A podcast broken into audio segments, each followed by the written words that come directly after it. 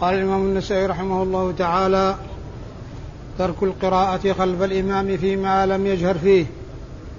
قال أخبرنا محمد بن المثنى. قال حدثنا يحيى. قال حدثنا شعبة عن قتادة عن زرارة عن عن عمران بن حسين رضي الله عنه قال صلى النبي صلى الله عليه وسلم الظهر فقرأ رجل خلفه سبح اسم ربك الأعلى. فلما صلى قال من قرأ سبح اسم ربك الأعلى قال رجل أنا. قال قد علمت أن بعضكم قد قد خال جنيها قال قد علمت أن بعضكم قد خال جنيها بسم الله الرحمن الرحيم. الحمد لله رب العالمين وصلى الله وسلم وبارك على عبده ورسوله نبينا محمد وعلى آله وأصحابه أجمعين. أما بعد يقول النسائي رحمه الله ترك القراءة فيما خلف الإمام فيما خلف الإمام فيما لم يجهر به. ترك القراءة خلف الإمام فيما لم يجهر به يعني في الصلاة السرية يعني في غير الصلاة الجهرية. وأورد النسائي في هذا حديث عمران بن حسين رضي الله عنه أن النبي عليه الصلاة, عليه الصلاة والسلام صلى بالناس صلاة الظهر فقرأ رجل يسبح اسم ربك الأعلى. ولما فرغ رسول الله صلى الله عليه وسلم من صلاته قال أيكم قرأ بسبح اسم ربك الأعلى؟ فقال رجل من القوم أنا. فقال قد علمت أن بعضكم خالجنيها يعني نازعنيها. يعني حصل منازعة في القراءة. ومن المعلوم أن هذا إنما حصل برفع صوته أي هذا هذا الرجل. يعني كونه حصل منه رفع الصوت هذا هو الذي فيه المنازعة وفيه المخالجة. والحديث ليس فيه دلالة على ما ترجم له النسائي من ترك القراءة ولكنه ترك الجهر. الحديث يعني يدل على أن الإنسان لا يجهر ولا يظهر شيئا من القراءة في الصلاة السرية. وليس فيه دلالة وليس فيه دلالة على ما ترجم له من أن المأموم يترك القراءة في الصلاة السرية. لأن الرسول صلى الله عليه وسلم أنكر أو آآ آه، آآ آه، ذكر هذه المخالجة والمنازعة التي حصلت من ذلك الرجل حيث سمع منه قراءة سبح اسم ربك الأعلى. وعلى هذا فالحديث لا يدل على الترجمة من جهة أن المأموم لا يقرأ في الصلاة السرية خلف الإمام بل يعني آه، آه، بل ليس عليه قراءة لا لا يدل على هذا. ولكنه يدل على عدم رفع الصوت بالقراءة يقرأ ولكن لا يجهر. لا يظهر منه صوت يشوش على الإمام ولا على المؤمنين لا يظهر منه صوت في القراءة يشوش على الإمام ولا على المأمومين وإنما يقرأ سرا في نفسه ولا يترك القراءة ولا يترك القراءة خلف الإمام. والحديث لا يدل على على الترجمة التي ذكرها المصنف وإنما يدل على عدم الجهر على عدم الجهر لئلا يحصل تشويش على الإمام وعلى المأمومين. هذا هو الذي يدل عليه الحديث ولا يدل على الترك. وعلى هذا فالقراءة خلف الإمام في الصلاة السرية يقرأ الإنسان الفاتحة والسورة ولا يرفع صوته بالقراءة بحيث يشوش على أحد من الناس سواء الإمام أو المأمومين. أما إسناد الحديث فيقول النسائي أخبرنا محمد بن المثنى. أخبرنا محمد بن مثنى. محمد بن مثنى هو العنزي. كنيته أبو موسى ولقبه الزمن وهو ثقة. حديثه أخرجه أصحاب الكتب الستة بل هو شيخ لأصحاب الكتب الستة. رووا عنه مباشرة وبدون واسطة.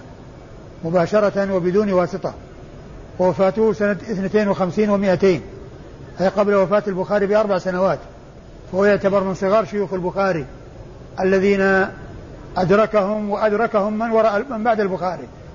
بخلاف الشيوخ الكبار الذين ما أدركهم من بعد البخاري هؤلاء كبار. أدركهم في آخر حياتهم وهو في أول حياته.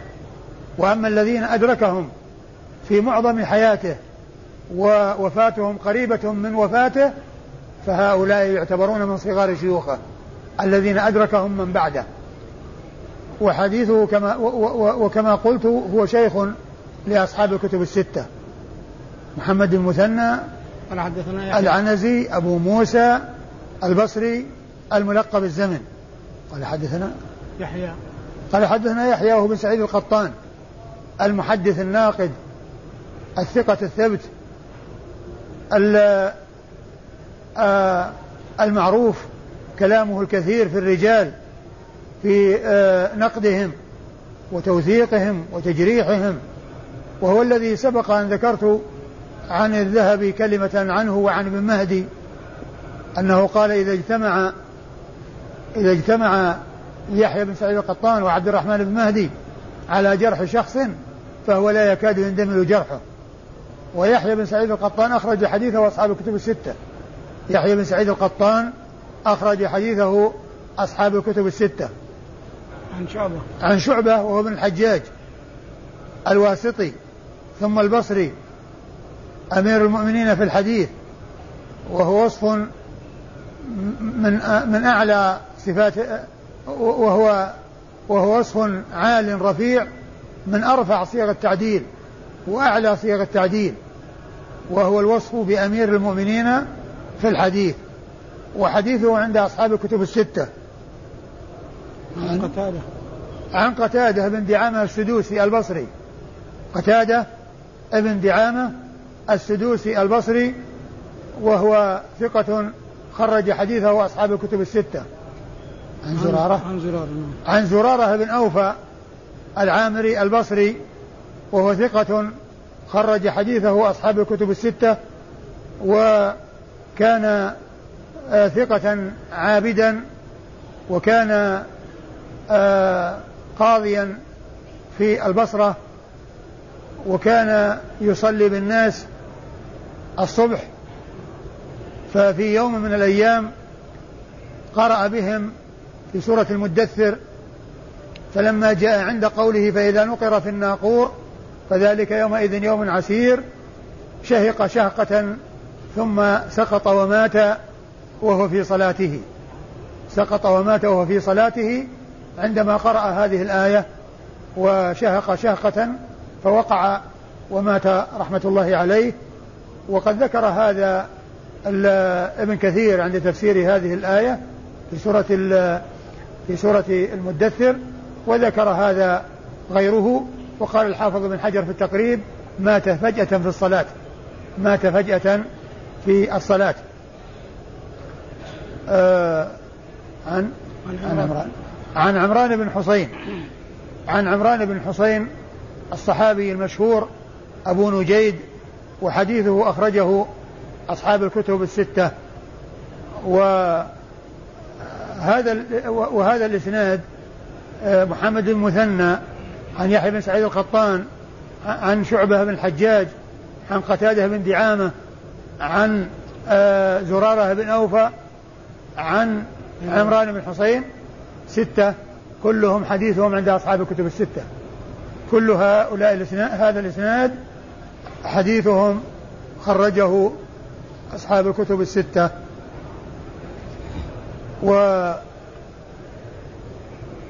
وكلهم بصريون إلا إلا عمران لا أدري هل هو بصري أو لا.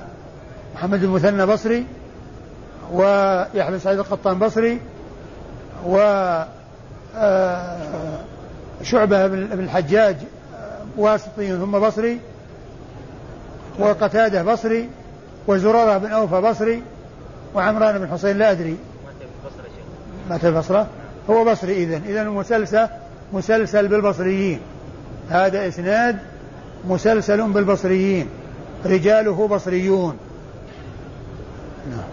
قال أخبرنا قتيبة قال حدثنا أبو عوانة عن قتادة عن زرارة بن أوفى عن عمران بن حسين رضي الله عنه أن النبي صلى الله عليه وسلم صلى صلاة الظهر أو العصر ورجل يقرأ خلفه فلما انصرف قال أيكم قرأ بسبح اسم ربك الأعلى فقال رجل من القوم أنا ولم أرد بها إلا الخير. فقال النبي صلى الله عليه وسلم قد عرفت أن بعضكم قد خال جنيها.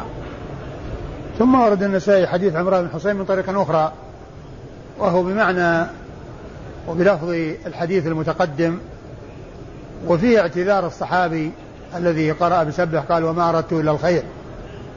قال أنا وما أردت إلا الخير.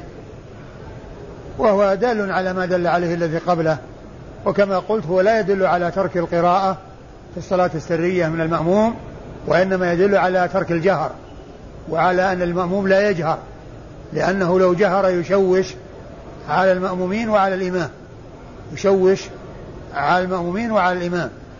فالصلاة الجهرية السرية لا يجهر بها لا يجهر بها لا من المأموم ولا من لا من الإمام ولا من المأموم.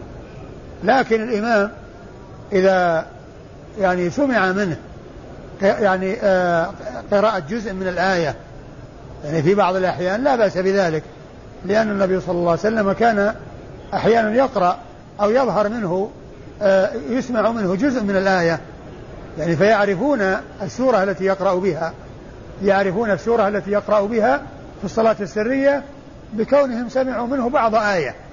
وكان يظهر صوته أحيانا في بعض الآيات أو في بعض آية يسمعهم إياها فيعلمون ما يجهر به أو ما ما يقرأ به السورة التي يقرأ بها.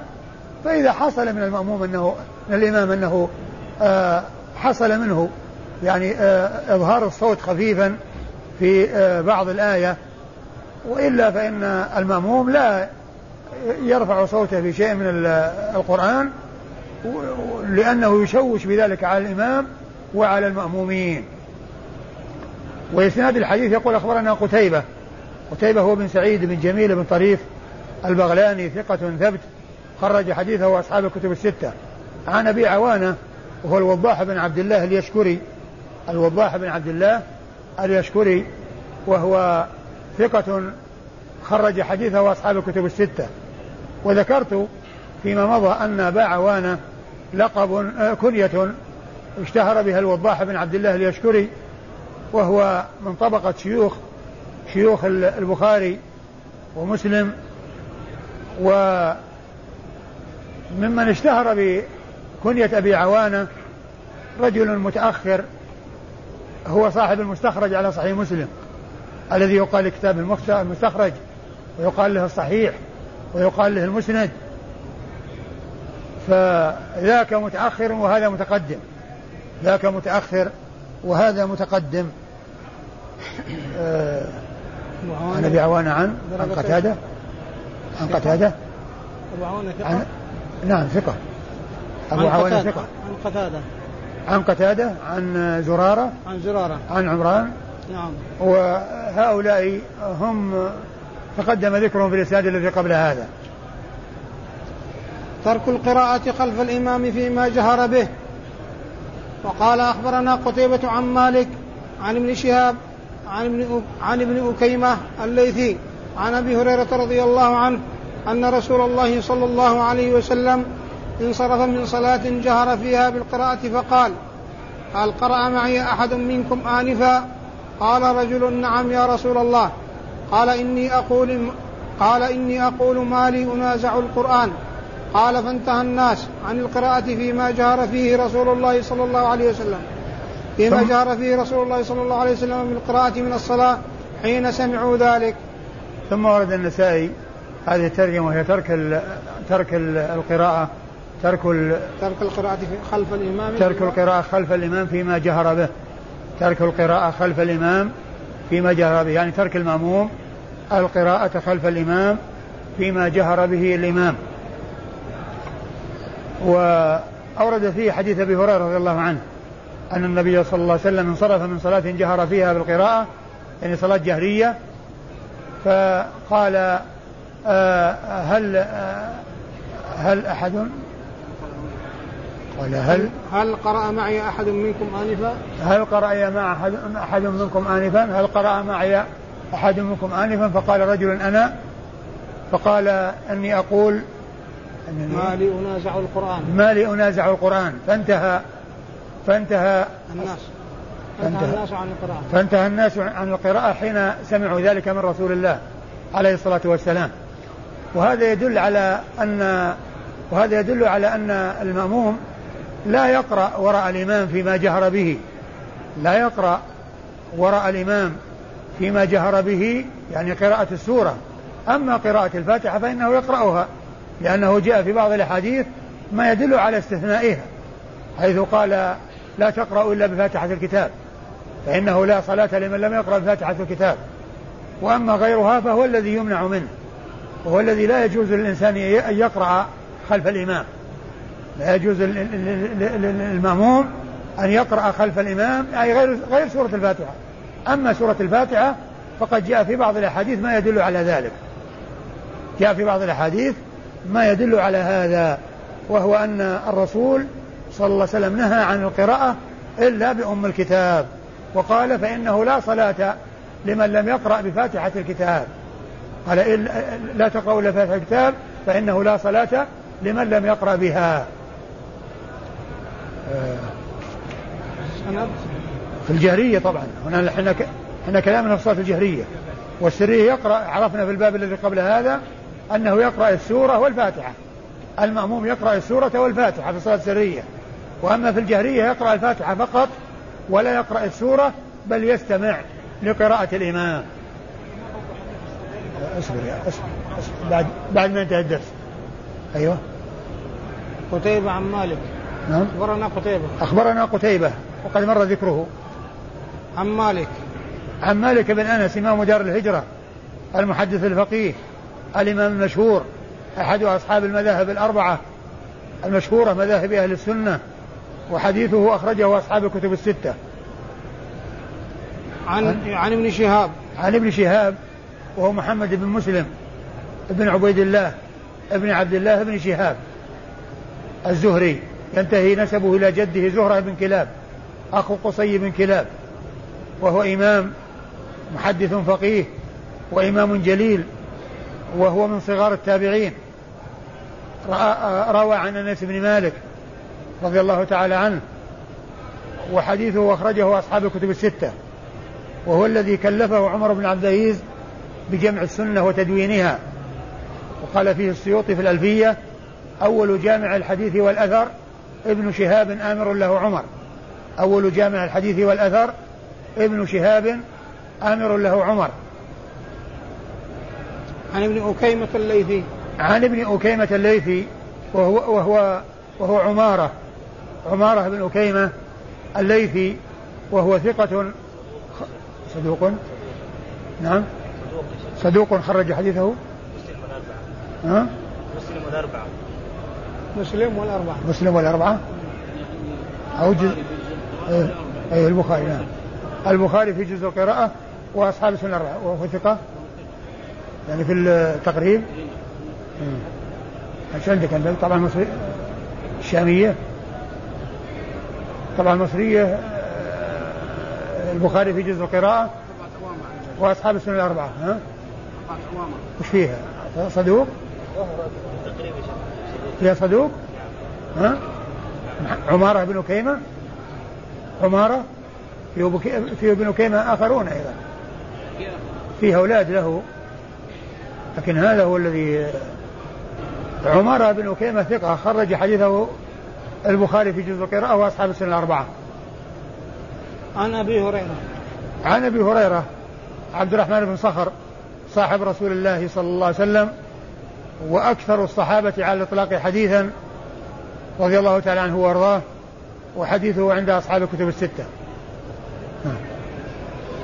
قراءة أم القرآن خلف الإمام فيما جهر به الإمام.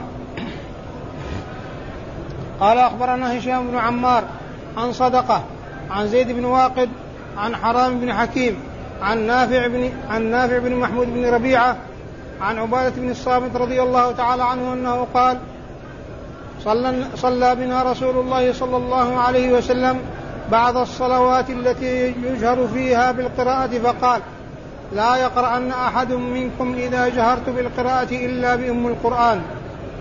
ثم أورد النسائي هذه الترجمة وهي قراءة الفاتحة خلف الإمام فيما جهر به. قراءة القراءة القراءة خلف الإمام فيما جهر به الإمام. القراءة خلف القراءة خلف الإمام فيما جهر به الإمام.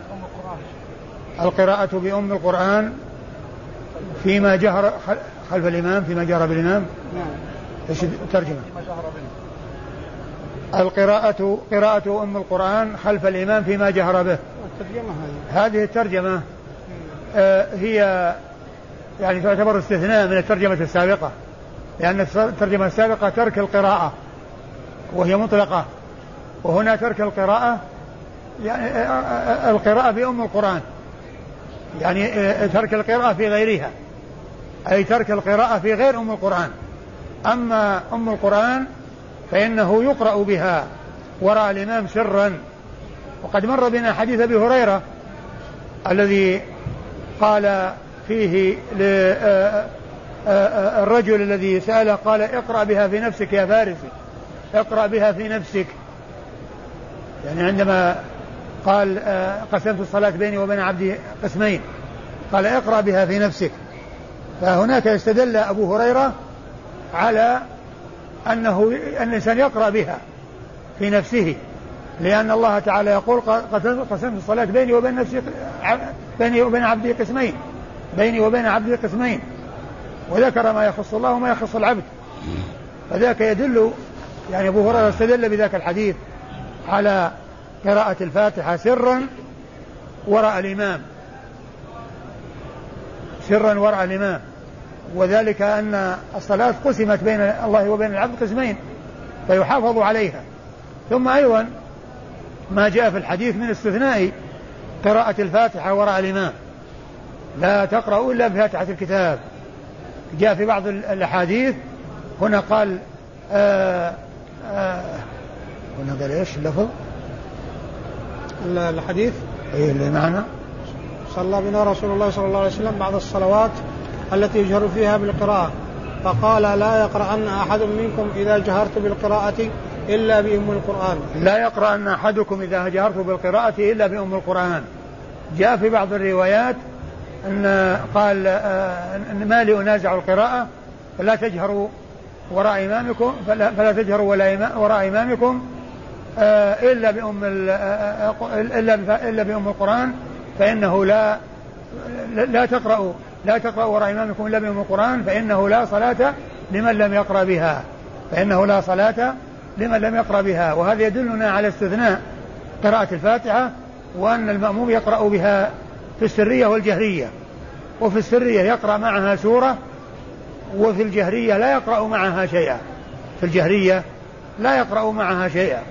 وهذا هو الذي رجحه الإمام البخاري وكثير من المحدثين على أن قراءة الفاتحة يعني تلزم المأموم في الصلوات كلها سريها وجهريها وإنما الذي آه، يمنع من قراءته في الجهرية هو قراءة ما عدا الفاتحة لأن ذلك داخل في قوله لا تقرأوا إلا بفاتحة الكتاب وأيضا داخل في قوله وإذا قرئ القرآن فاستمعوا له وأنصتوا وهذه هذه الآية المراد بها في الصلاة ومعنى هذا أن غير الفاتحة آه لا يقرأ المأموم وراء الإمام بل يسمع وأما الفاتحة فإنه يقرأ بها ولو كان الإمام يقرأ فإنه يقرأ بها ولو كان الإمام يقرأ. إسناد؟ إسناد؟ أخبرنا هشام بن عمار. أخبرنا هشام بن عمار الدمشقي. وهو صدوق خرج حديثه البخاري وأصحاب السنة الأربعة. عن صدقة. عن صدقة بن خالد الدمشقي. صدقة بن خالد الدمشقي وهو ثقة خرج حديثه. البخاري وأبو داود والنسائي وابن ماجه. البخاري وأبو داود والنسائي وابن ماجه. صدقة بن خالد الأموي الدمشقي. عن زيد عن زيد بن واقد. عن زيد بن واقد وهو أيضا ثقة خرج حديثه البخاري وأبو داود و والنسائي وابن ماجه مثل الذي قبله. البخاري وأبو داود والنسائي وابن ماجه مثل الذي قبله تماما. زيد بن واقد الدمشقي وهو دمشقي أيضا. نعم. عن حرام بن حكيم. عن حرام بن حكيم وهو دمشقي أيضا. إيش قال عنه؟ النافع ها؟ النافع البخاري في جزء القراءة ومسلم فيه؟ لا ما في إيه. وهو ثقة خرج له البخاري في جزء القراءة وأصحاب السنن الأربعة البخاري في جزء القراءة وأصحاب السنن الأربعة عن نافع بن محمود بن ربيعة عن نافع نافع بن الحكيم ابن محمود بن ربيعة. نافع بن محمود نعم. نافع بن محمود بن ربيعة. قال عن الحافظ أنه مستور وخرج حديثه النسائي وحده. النسائي؟ عن وحده عبادة بن الصامت ها؟ هذا هو أبو أبو أيوه. خرج حديثه. البخاري في جزء القراءة. أيوه. البخاري في جزء القراءة.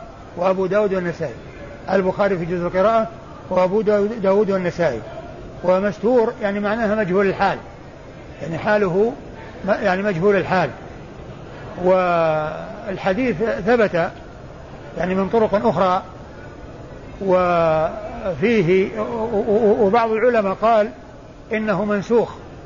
يعني أن قراءة ال- ال- المأموم الفاتحة وراء الإمام أنه منسوخ بالحديث الذي قال فانتهى الناس عن القراءة. فيما جهر فيه الإمام. لكن هذا لا يدل على النسخ. لا يدل على النسخ وإنما انتهوا عن الشيء الذي هو خارج عن الفاتحة. وأما الفاتحة فإن الاستثناء جاء فيها وجاء ما يخصها. عن عن من؟ الحديث عن عن عبادة بن الصامت. عن عبادة بن الصامت صاحب رسول الله صلى الله عليه وسلم وحديثه عند أصحاب الكتب الستة.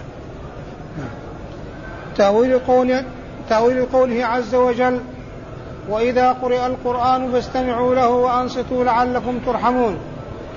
قال أخبرني الجارود بن معاذ الترمذي. قال حدثنا أبو خالد الأحمر عن محمد بن عجلان عن زيد بن أسلم عن أبي صالح عن أبي هريرة رضي الله تعالى عنه أنه قال قال رسول الله صلى الله عليه وسلم إنما جعل الإمام ليؤتم به فإذا كبر فكبروا. وإذا قرأ فأنصتوا. وإذا قال سمع الله لمن حمده فقولوا اللهم ربنا لك الحمد. ثم ورد النسائي هذه الترجمة وهي تأويل قول الله عز وجل وإذا قرئ القرآن فاستمعوا له وأنصتوا لعلكم ترحمون.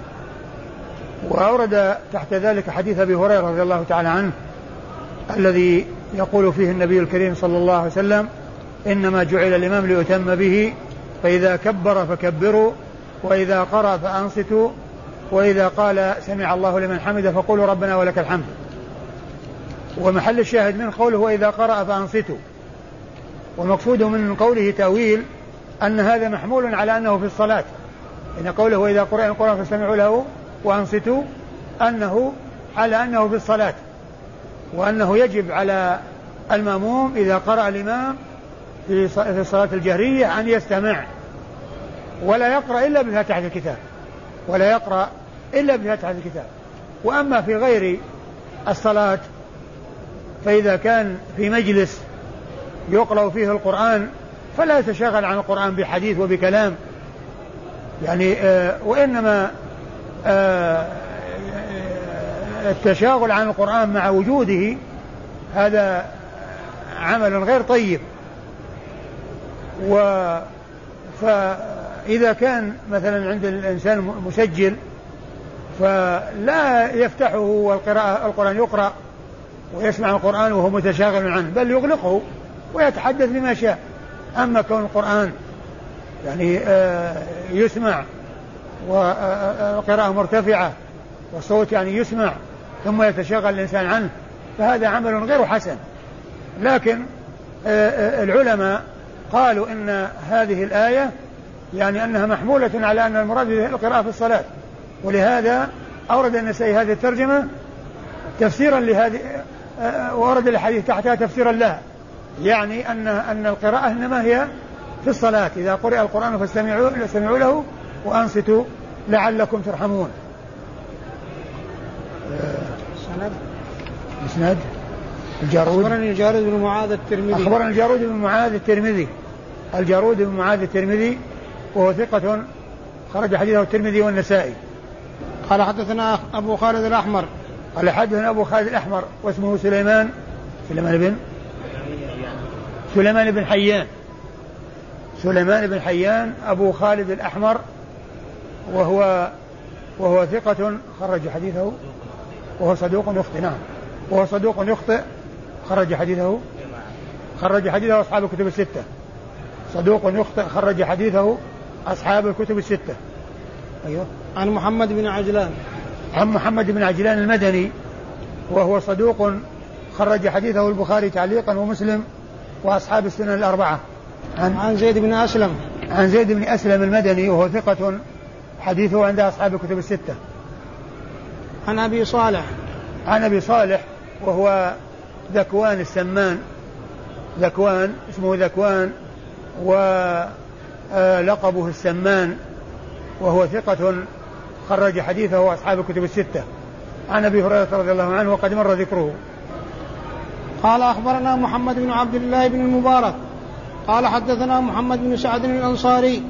قال حدثني محمد بن عجلان عن زيد بن أسلم عن أبي صالح عن أبي هريرة رضي الله تعالى عنه أنه قال قال رسول الله صلى الله عليه وسلم إنما الإمام ليؤتم به. فإذا كبر فكبروا وإذا قرأ فأنصتوا. قال أبو عبد الرحمن كان المخرمي يقول هو ثقة يعني محمد يعني محمد بن سعد الأنصاري.